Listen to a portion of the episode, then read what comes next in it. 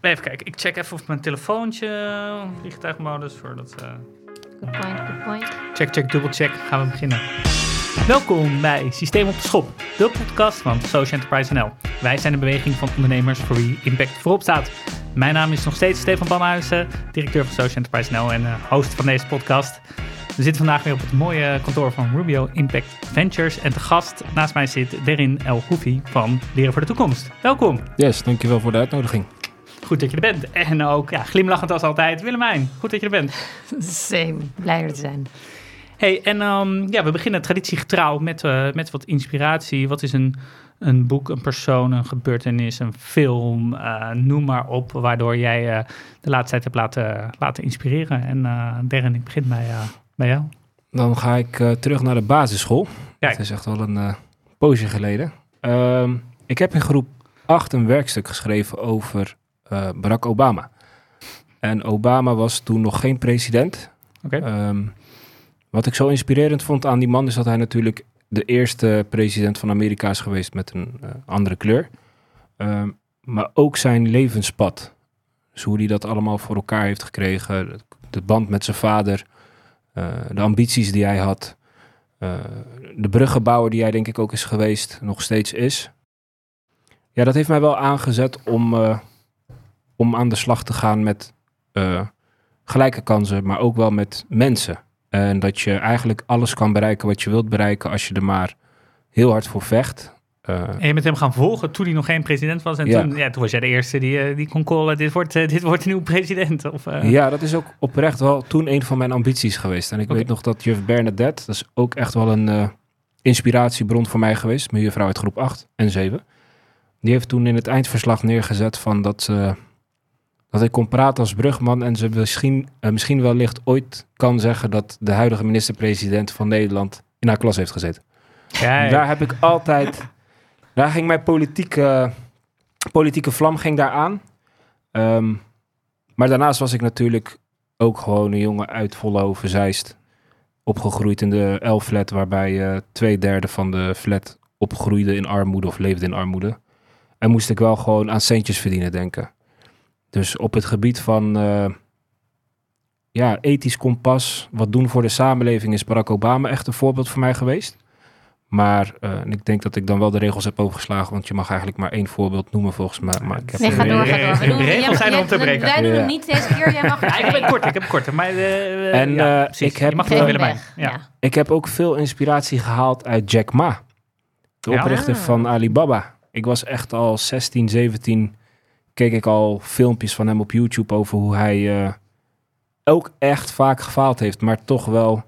Um, ik weet niet of jullie het verhaal kennen dat hij 24 keer had gesolliciteerd uh, bij de KFC en dat hij gewoon alle keer is afgewezen en nu gewoon een uh, organisatie uit de grond heeft gestampt waar je u tegen zegt. En dat hij ook wel weer visionair was op het gebied van internet. Want in zijn tijd was internet nog helemaal niet zo, zo groot als dat het nu was. Um, en haar, daar heb ik wel geleerd dat je als ondernemer um, heel vaak nee moet horen voordat je dingen voor elkaar krijgt. En dat is wel echt iets wat ik uh, ja, dag in dag uit nog steeds meeneem in mijn leven.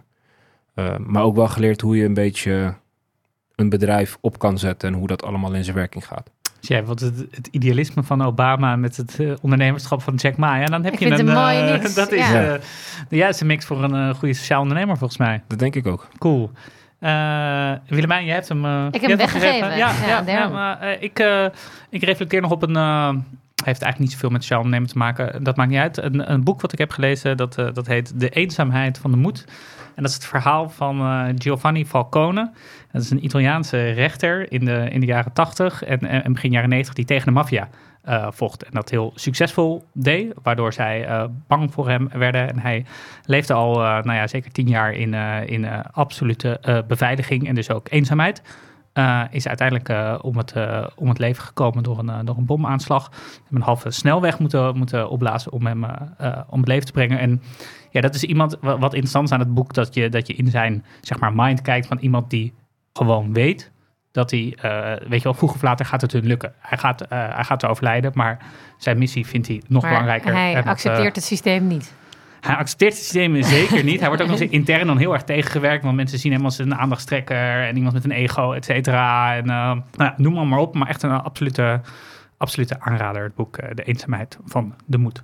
Van, eh, van Saviano, die ook eh, Gomorra heeft geschreven. Nou goed, we zijn hier nu alweer iets lang over, over bezig. We gaan, we gaan terug naar jou, Darren. En nou ja, ik zeg dan altijd, ik duik in iemands cv iemand te leren kennen. Jij bent, jij bent eigenlijk, jij bent, nou, je begon met ondernemen toen je op de, de middelbare school zat. Leren voor de toekomst is ook, nou ja, volgens mij tijdens je studie eh, eh, begonnen. Maar ik zag ook, je bent actief geweest in kickboksen. Klopt. En best wel fanatiek volgens mij. En toen dacht ik, ja, heb je ook nog wel eens van een, van een carrière als sporter gedroomd? Ja, zeker. Ik eh, ben begonnen met kickboksen toen ik 15 was. En daar was Badr Hari, de, De grote man. de grote man.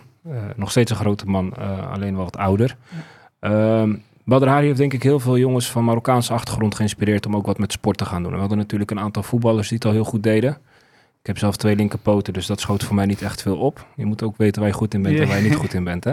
Dus ik ben toen een keertje met een vriend van mij mee geweest, eigenlijk heel spontaan naar een training. En dat beviel me goed.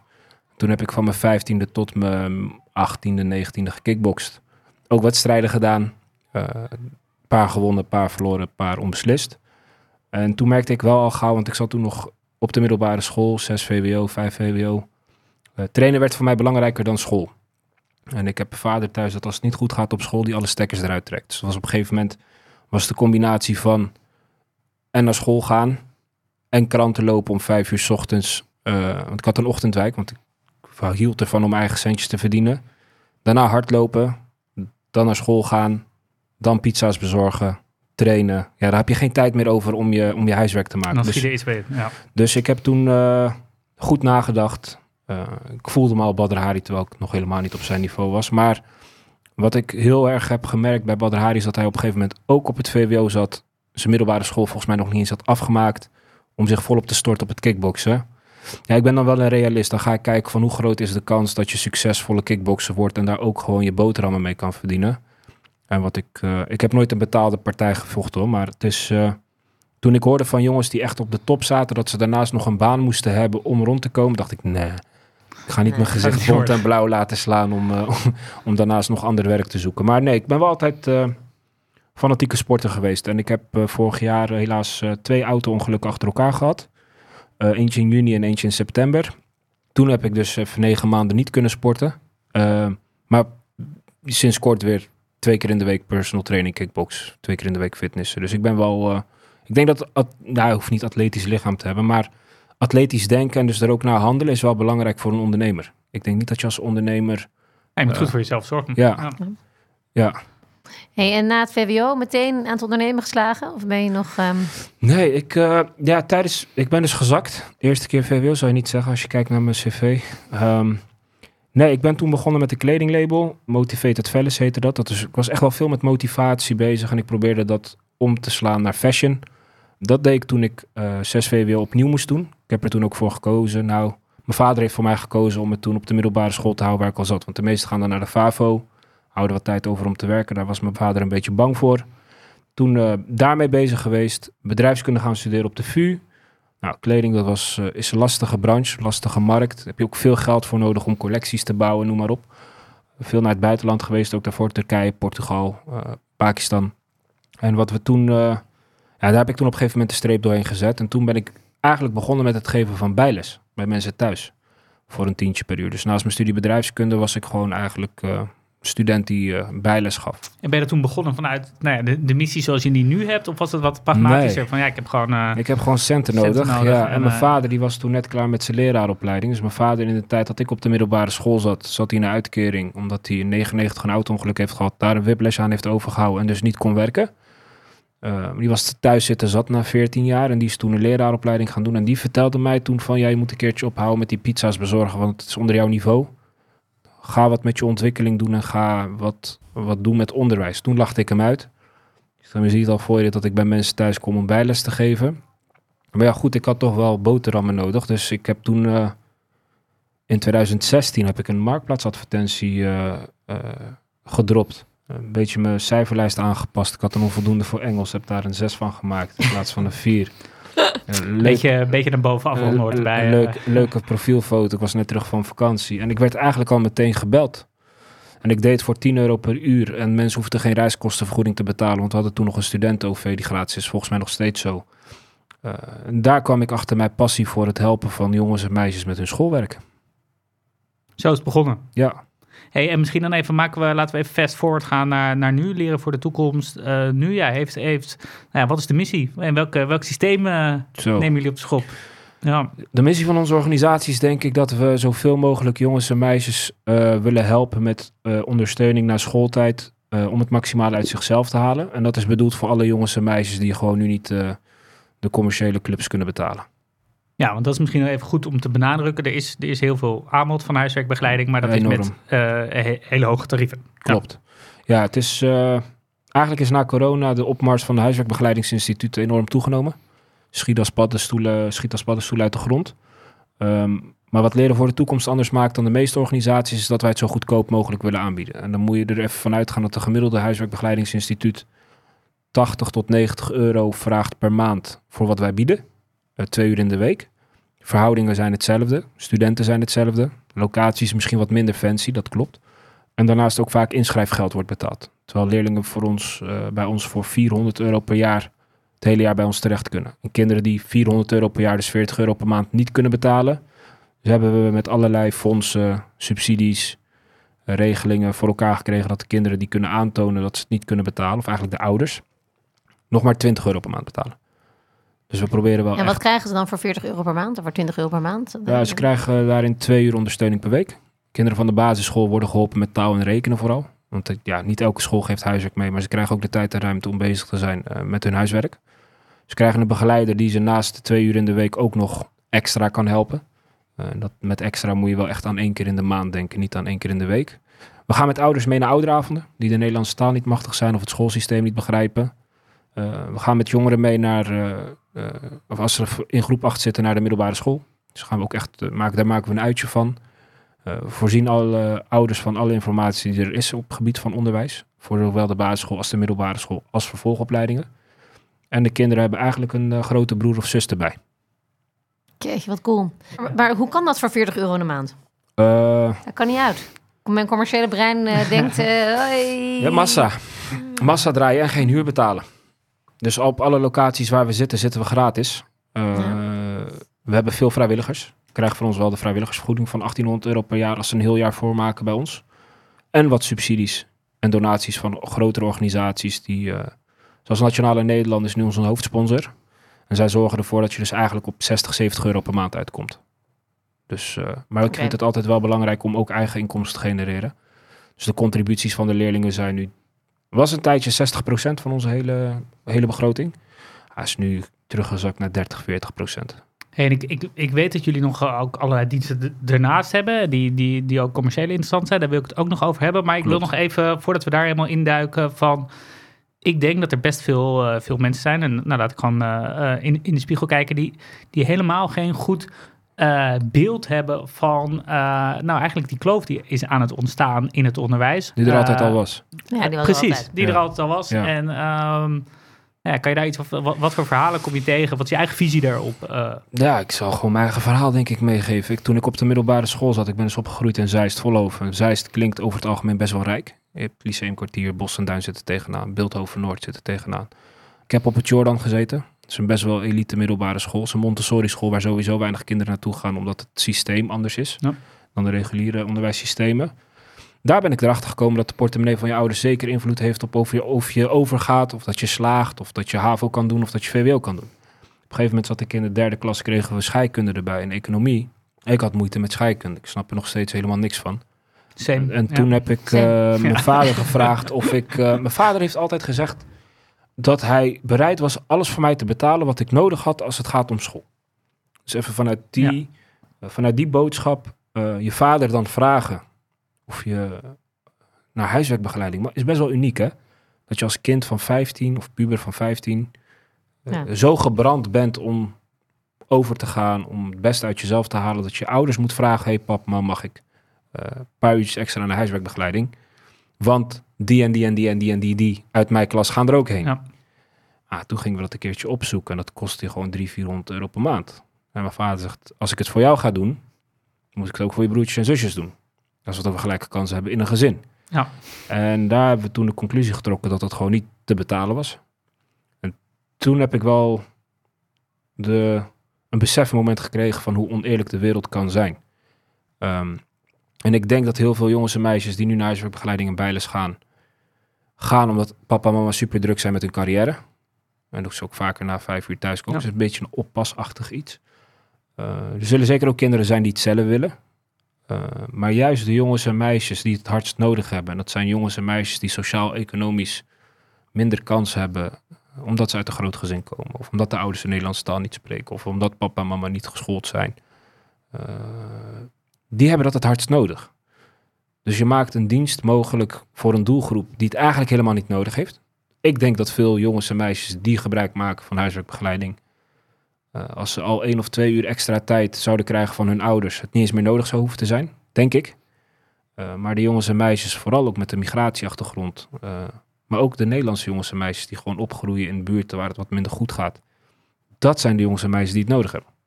En die konden ja, er nooit die bij. moeilijkst bereikt. Ja. ja. En die hadden de minste capaciteit en daardoor wordt die kloof alleen maar groter. Ja. Hey, en hoe bereiken jullie uh, de, de, kinderen die jullie bereiken?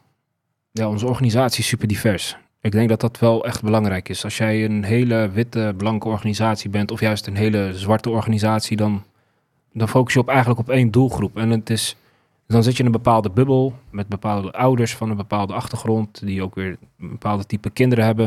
Het is uh, niet goed om in hokjes te denken, maar omdat wij 250 studenten hebben die allemaal verschillende achtergronden hebben, een kantoorteam hebben met van alles en nog wat, man, vrouw, uh, jong, oud, uh, krijgen wij het goed voor elkaar om naamsbekendheid onder een breder publiek te krijgen. En onze manier van naamsbekendheid gaat nu vooral via mond op mond.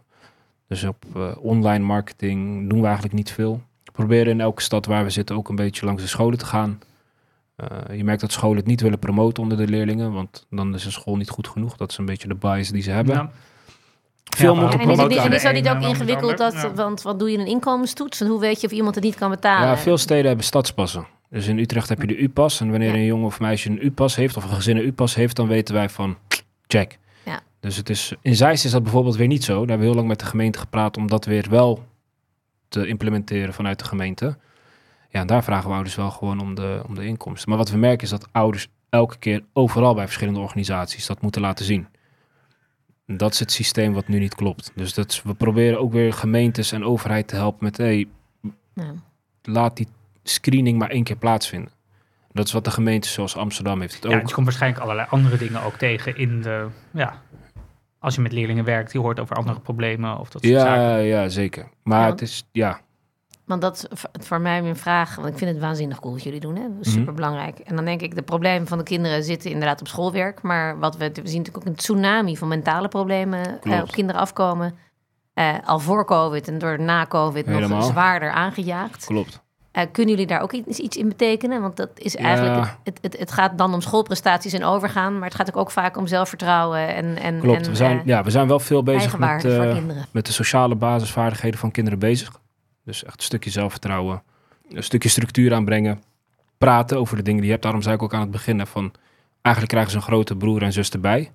Uh, maar wat we wel hebben geleerd is dat we ook onze grenzen moeten trekken. Er zijn op een gegeven moment een paar situaties geweest waarin ik, toen ik nog voor de groep stond, te veel bezig was met opvoeding en met uh, het regelen van dingen. Ik was bijna een soort van secretaresse geworden van, uh, of secretaris geworden van, van, van een gezin. Um, we hebben vooral een doorverwijsfunctie. Dus signaleringsfunctie, doorverwijzen. Ja. Al onze begeleiders krijgen een training van veilig thuis. Dus meldcode. Dus als we zien dat er iets niet goed speelt. Of als er iets niet oké is, te veel blauwe plekken. Of geen eten. Of een wekenlang dezelfde kleren aan. Zijn we genoodzaakt daar een melding van te maken. Ik vind wel uh, dat we eerst zelf moeten kijken wat we kunnen doen. En daar hebben we best wel goede uh, kaders voor geschreven. Maar op het moment dat we zien bijvoorbeeld dat de kind wordt mishandeld thuis of dat het gewoon echt niet oké is, dan proberen we wel naar een vertrouwde organisatie te gaan die ze daarbij kan ondersteunen. En vergeet niet dat instellingen en grote organisaties vaak als gevaar worden gezien van, oh, ze komen mijn kind afpakken. Ja. En soms is dat nodig, hè? Ik heb ook wel gezien dat het ja. af en toe beter is voor het kind dan thuis blijven. Maar inderdaad. Ook dat is... kan misgaan. De andere kant ja. op. Nou. Dus, uh... nou, ik bedoel eigenlijk meer de, de, de, zeg maar de, ja, de, de, mentale ontwikkeling van kinderen. In hoeverre je dat... Maar dat kan je in het soort buddy systeem wel een beetje ja, meenemen. Ja, ja. Ja, voor, ja, het is niet dat we hele programmalijnen hebben ontwikkeld waarin we echt met... eh, ik vind motivatie en discipline gewoon vooral heel belangrijk bij jongeren. En dat mist nu sowieso heel erg. In mijn generatie miste dat al best wel veel. Maar echt mentale weerbaarheid. eh, ja, daar hebben we wel eens externe partijen voor die tijdens gastlessen, want we hebben tien themalessen per jaar, huren wel eens iemand in die wat komt vertellen over mentale weerbaarheid. Maar ook scholen worstelen daarmee. Ja, Dus het is best wel, eh, gigantisch probleem. het is een gat in de markt, maar het is... ehm, Nieuw bedrijf. Er ontstaat hier niet bedrijf. ja. Nee, maar het is lastig, want je kan je niet... ehm, je wilt geen duizendpoot zijn. Je kan niet alles doen. En Nee, dat wou ik vroeger focussen. wel altijd, maar dat gaat niet. En we zijn ook niet bekwaam en bevoegd genoeg om, Nee. Om, Nee, maar dat was, dat ook niet, dat was maar nieuwsgierigheid. Omdat Ja. je natuurlijk ook met een kwetsbare doelgroep eh, vaak werkt. Die thuis de support niet kan krijgen doordat die in twee culturen leven. Of omdat het Klopt. thuis ook moeilijk is. Dus dat is vaak ook een groep, doelgroep die kwetsbaarder nog is op mentaal vlak. Ja, en op gebied van informatie krijgen we best wel veel binnen. Weet je, wij komen bij gezinnen thuis waar normale organisaties niet thuiskomen. Dus Ja. er zijn wel eens ouders die ons vragen, kan je even langskomen? We hebben echt even eh, een probleem. Ja, en dan komt die grote broer, grote zusrol eh, van onze En hoe begeleiders vind je al die grote broers en grote zussen? Nou, dat lijkt me. Ja. Hoeveel heb je er inmiddels eh, in dienst? Of eh, zeg maar. Ja, 205, onze begeleiderspool bestaat uit 275 man nu, ongeveer, plus minus, verspreid over het land. Ik denk als ik kijk naar hoeveel mensen zich hebben ingezet voor Leren voor de Toekomst, zijn dat dat inmiddels meer dan duizend over de afgelopen vijf jaar. Dat zijn jongens en meisjes die geïnspireerd raken van mijn verhaal. Die of dezelfde dingen hebben meegemaakt, of juist de andere kant hebben meegemaakt en wat terug willen doen voor de samenleving. Ik heb met Leren voor de Toekomst denk ik een brand neergezet waarbij jongens en meisjes tussen de 17, 28 het idee hebben dat ze verschil maken in de samenleving. En dat is dat purpose-driven handelen, zeg maar. Dus liever voor een organisatie werken waar ik wat minder betaald krijg, maar wel me voldaan voel. Nou, eh, boven centen verdienen staat. En dat is, eh, en doen ze het naast hun eigen opleiding of werk? Of is het, is het is een soort van eh, vergoed vrijwilligerswerk? ja, dus je krijgt, eh, als je als student bij ons binnenkomt en door de screening komt en alle assessments hebt gehaald en alle opleidingen hebt gevolgd die we intern hebben. We hebben een soort van mini-leraaropleiding opgericht afgelopen jaar. Het heet de LVDT Academy. Krijg je van ons 180 euro per maand. Als je alle vierde keren bent geweest. Dan kom je dus op 1800 euro per, per jaar uit. En wat het een beetje de verkooptruc daar is, dat we zeggen maar als je kennis deelt, betalen we je kennis.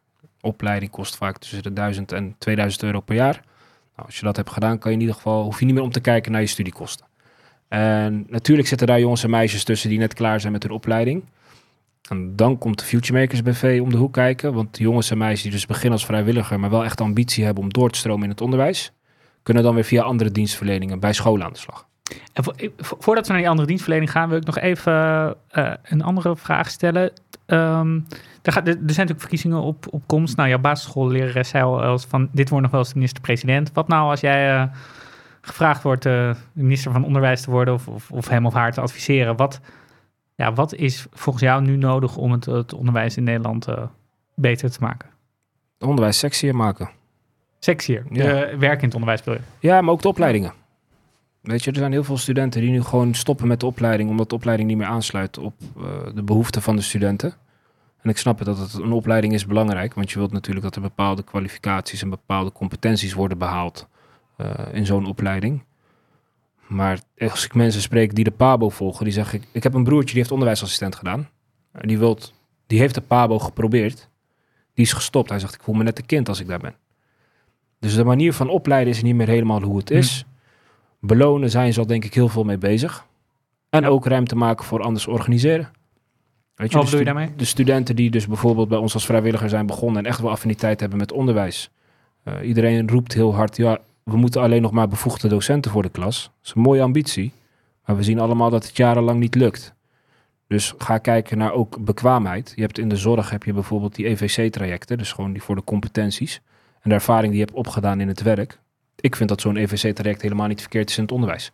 Dus dat als jij kan laten zien dat jij affiniteit hebt met onderwijs, er ook wel ervaring in hebt opgedaan. Dus bijvoorbeeld jarenlang Ja. examentraining hebt gedaan of jarenlang, maakt niet uit via welke organisatie, dat jij de capaciteit hebt om een klas stil te houden, dat je ook echt daadwerkelijk kennis kan overdragen aan kinderen, dan vind ik, eh, en natuurlijk, het is lastig hè, het is moeilijk. Ja, want het is Want, want, want, jou, want, want echt maar, ja. jouw uitgangspunt is dat het grootste probleem in het onderwijs is goede gekwalificeerde leraren. Een aanbod van goed gekwalificeerde leraren. Als je dat oplost, Dan heb je... Is het onderwijssysteem verder nog in orde? Of zou dat ook op de schop moeten? Ehm, ja, ik, wat ik niet begrijp is dat we in corona massaal naar online zijn gegaan en dat nu helemaal hebben afgezet. Zeg maar, het komt bijna nergens meer terug. Dus de hybride vorm van onderwijs is ook een manier om het lerarentekort tegen te gaan. Hoezo moet vanuit... Ik heb wel eens hardop nagedacht dat zeg maar, vanuit de scholenkoepel bijvoorbeeld er één wiskundedocent is die drie klassen tegelijkertijd runt. Online. Waarbij onderwijsondersteuners, bijvoorbeeld onze mensen, Ja. voor die klas staan om die jongens en meisjes te helpen. Dan heb je één, één leraar die doseert. Online, dat moet gewoon prima kunnen. Want hoe hebben we het anders afgelopen eh, jaren gedaan in corona? Je halveert de klasse. Ja, maar de achterstand die door corona is opgelopen bij al die leerlingen, nog steeds vandaag de dag, is wel gigantisch. Hè? Niet alleen Ja, in Nederland, maar, maar, dat- maar dat- ik zag dat- las toevallig in de krant in het Eng- Engels ook het over de hele linie nog steeds alle eindexamens gewoon bijna 10% lagere scores hebben dan voor corona. Klopt. Gewoon, dus je ziet in ieder geval dat kinderen minder geleerd hebben in die tijd. Dat klopt, maar dat komt ook omdat er minder controle is geweest op de kinderen. Het is niet dat je zeg maar nadat je een constructie... in, in, Ja. maar je kan niet als docent Ja. controleren of jouw leerling het begrepen heeft. Als je als docent 20 minuten uitleg geeft over de ABC-formule... en je hebt daaronder twee studenten fysiek in de klas... die rondlopen, vragen Ja, kunnen dus beantwoorden... De Nou, directe feedback kunnen geven op de leerlingen, dan eh, zou Ja. dat denk ik beter werken. Als ik thuis zit en ik krijg college en ik moet daarna alles zelf gaan uitzoeken en ik kan ook niet terugkoppelen aan mijn docent of het goed is gegaan of niet, omdat die groepen zo groot zijn. En misschien Ja, is dan- het grote verhaal ook wel, er is, er is in die coronaperiode noodgedwongen geëxperimenteerd, geïmproviseerd, geïnnoveerd. Ja, En nu doen we een beetje, in, in jouw woorden misschien, nou, dat is, dat is allemaal niet gebeurd. Nu gaan we weer terug naar hoe het was voor corona, in plaats van te kijken naar wat kunnen we daar, wat Ja, hebben we ervan geleerd, wat kunnen we er houden, want de tekorten zijn natuurlijk en ik ja, heel noem het bewust hybride onderwijs, want het is niet dat je volledig online les moet gaan geven, maar er zijn een aantal vakken waar gewoon enorme tekorten in zijn, die je op die manier zou kunnen oplossen.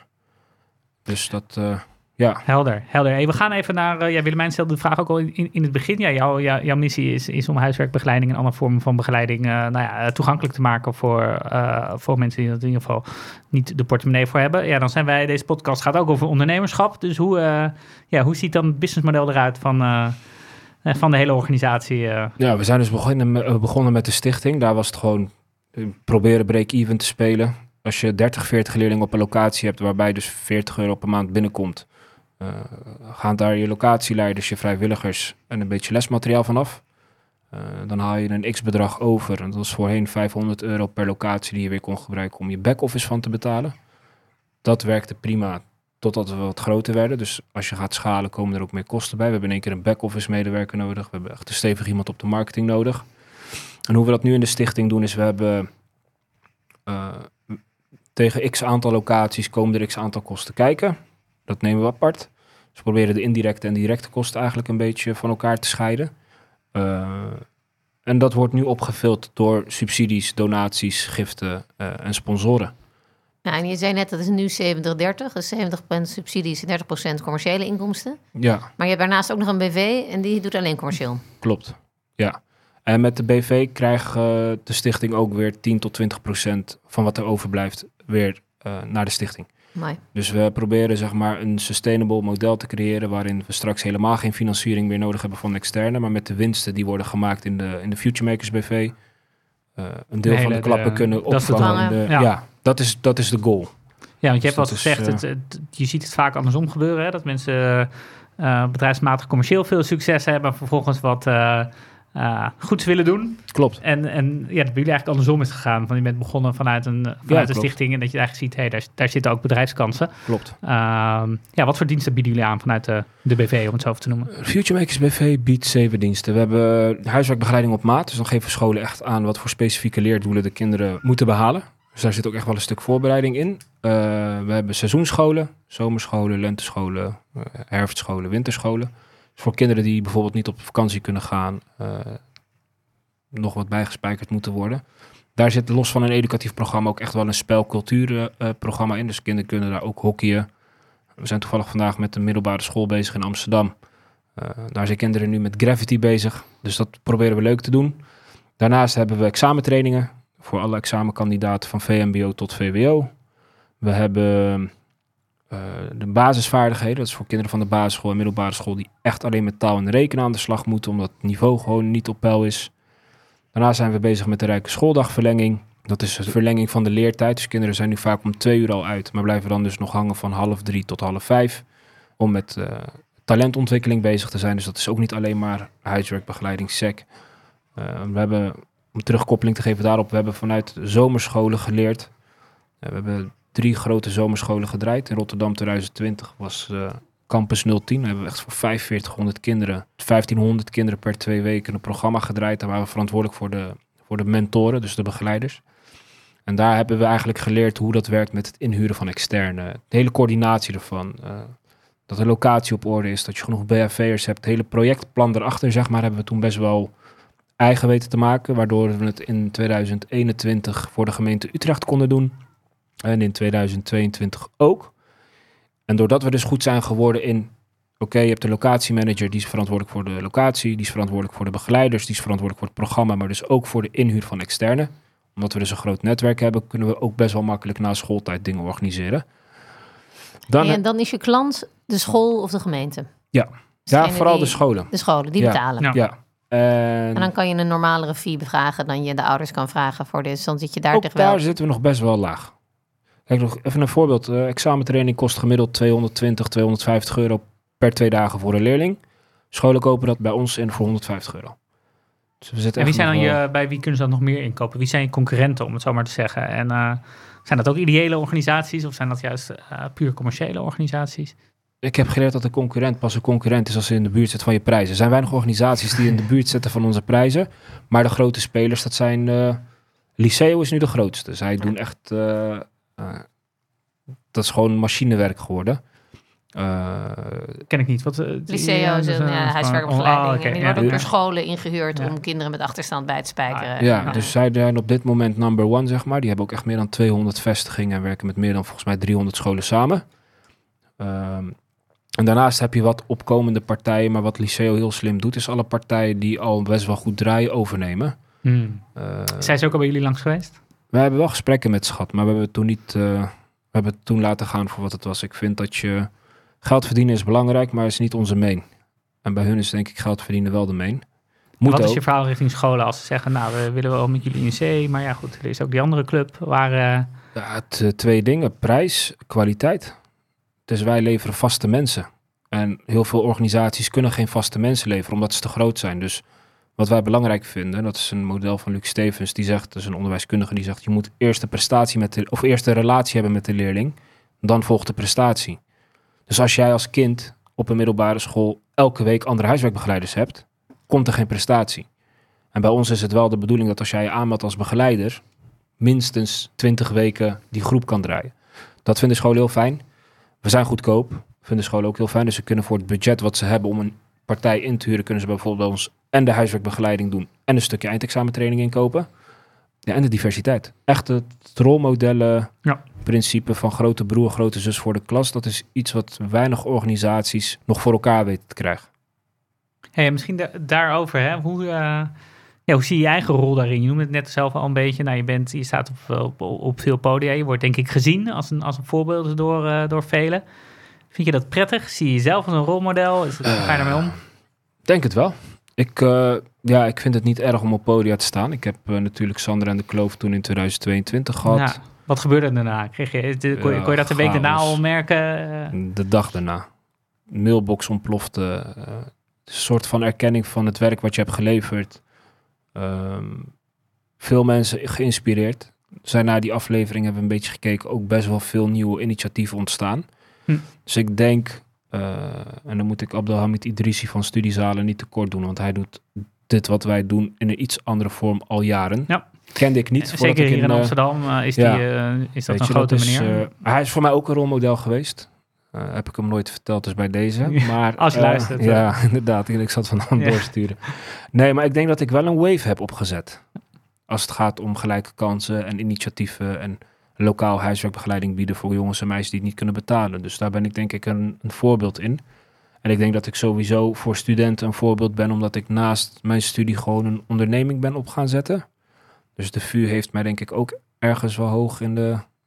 Heb je die studie ooit afgemaakt eigenlijk? Nee. Nee. Staat dat nog op de planning of is dat... eh Ja, soort Anders moet je terugbetalen misschien, of ik, ik weet niet hoe ja, werkt. dat- Ja, gelukkig kunnen, we, kunnen we dat nu terugbetalen. Ja, maar ja, nee. nee, maar het is... eh, nee, maar het is... eh, studie is, denk ik, belangrijk als je het wilt gaan gebruiken voor je carrière. Ik Ja. zag studie altijd niet als zelfontwikkeling. Dat zag ik als een last. Dat zag ik niet als een verrijking van mijn leven. En ik merk bij veel studenten dat ze studeren om het papiertje maar te halen om ergens aan de bak te gaan. Ja, en als ondernemer, ik ben bedrijfskunde gaan studeren omdat ik ondernemer wou worden. Ja. Ik denk, oké, als ik een onderneming wil opzetten, moet ik van binnenuit en buitenuit weten hoe een bedrijf werkt. Ehm, dus ik zag dat op een gegeven moment niet meer als ontwikkeling. En ik heb naast mijn studie bedrijfskunde heel veel bijgeschoold. Ik heb hier bij Ja, want de- hoe ontwikkel je jezelf dan wel? uh, programma's volgen. Ik heb hier drie jaar, vier jaar geleden via Impact Hub, het zit hier in de buurt, heb Ja. ik een eh, ondernemersprogramma gevolgd. Ik heb tegen boeken gelezen van verschillende ondernemers, maar ook over mindset. Eh, Think and Grow Riches. En dat las ik Ja. al toen ik 19 was. Eh, ik heb ontzettend veel TED-talks beluisterd. Ik heb veel podcasts in de auto afgespeeld. Ik heb mentoren om me heen verzameld de afgelopen jaar. En wat voor mensen helpen jou nu in je, nou ja, weet je, bedrijf, in je carrière? Ah, ik heb nu een eh, coach gekregen vanuit de Nationale Nederlanders, Patrick Antoniussen. Dat is de oprichter van Young Impact. ja, Ja, die ja, ik kennen we goed. ik ken hem goed. Ja, Dat is ook, weet je, dat is de eh, beste mentor ja. die je denk ik kan hebben als sociaal ondernemer. Dus dat is wel echt een privilege. Daarnaast heb ik veel schooldirecteuren gevraagd of ze me wouden mentoren. Omdat je toch een soort van school bent en ook moet weten hoe zij naar externe organisaties kijken. En ik ben nu bezig met de adviseur van de koning om te vragen of hij mij even een jaartje wilt mentoren. Ja, want je bent eh, eh, niet lang geleden mocht je, mocht je lunchen met, eh, met, met Koning, toch? En samen met allemaal andere uitblinkers. Ja, klopt. Ja, dat waren 100 mensen die een tien verdienden in de samenleving voor het werk wat ze doen. En dus daar waren 9000 mensen voor aangemeld. 600 mensen waren naar de notaris gestuurd. En daar is mijn eh, naam uitgerold met 99 andere mooie mensen. Wat vond je ervan? Magisch. Ja, magisch. Dat is echt met geen eh, pen te beschrijven. En ook niet met woorden te beschrijven. Dat is... eh, En is de magiek dan dat jij geselecteerd bent? Dus dat je erkend wordt voor wat je doet? Of is de magiek het, eh, het, het, het met anderen aan tafel zitten met onze koning? Beide. Beide. Het is, hoe groot is de kans dat je dit meemaakt in je leven op 26-jarige leeftijd? Uh, maar ook gewoon wat je daar ziet. De mensen die daar rondlopen, de sfeer die daar hangt.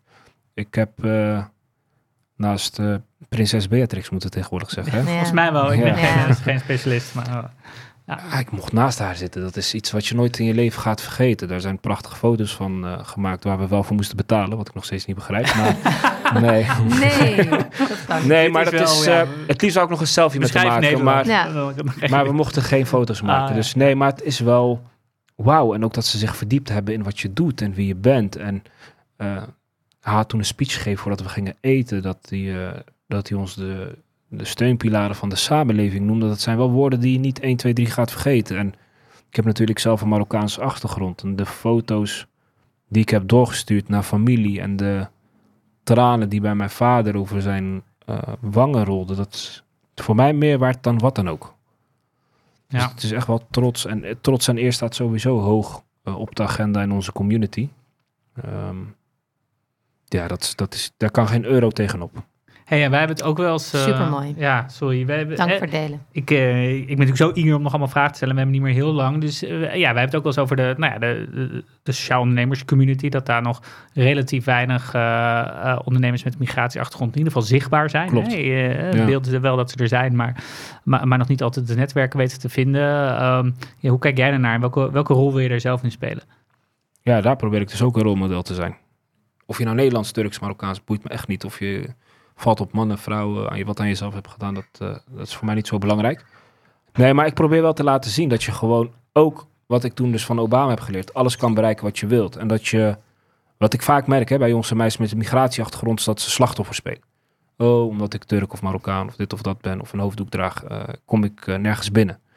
Nou, als ik overal binnen kan komen, kan jij ook overal binnenkomen. Ja. Dus of... En op hetzelfde moment heb je wel, uh, nou ja, met discriminatie of niet minst vooroordelen te maken gehad. Oh, 100 procent. Vandaag de dag nog steeds. Kijk, als je denk ik in het wereldje zit van sociaal ondernemerschap, is er één woord het belangrijkste, dat is vertrouwen. Vooral naar financiers toe. Dus op het moment ja. dat jij vertrouwd wordt door je financiers, krijg je alles van elkaar. Dan kun je van een aanvraag van 10.000 euro zelfs 150.000 euro maken. En wat ik altijd een beetje heb gemerkt, is dat ik in mijn beginjaren altijd een beetje de kruimels van de grote taart uh, kreeg. Want als ik kijk, ik ben een impactondernemer, als ik kijk naar de impact die ik maak met mijn organisatie versus de impact die een andere organisatie maakt, die wel hartstikke wit is en al 30, 40 jaar bestaat, steken wij er bovenuit. En ik vind dat gemeentes moeten betalen naar impactratio. Zeker weten. En wat je daarin ziet, is dat op het moment dat je nieuw bent in de markt, dat de huidige partijen die er zijn, je zien als een gevaar. Terwijl we met een maatschappelijk doel bezig zijn. Het ondersteunen en helpen van kinderen. Dus nee, helaas is dat zo dat ook in deze wereld en dan vaak tussen nieuwe spelers en traditionele spelers, ja, die dezelfde missie hebben. Ja, gewoon want als je het niet onder hun vlag wilt doen, dan val je buiten de boot. En dan zoek je het maar lekker allemaal uit. En dan moet je wel gaan betalen voor locaties. En ik ben iemand die niet op zijn mondjes gevallen, dus ik heb altijd wel gevochten.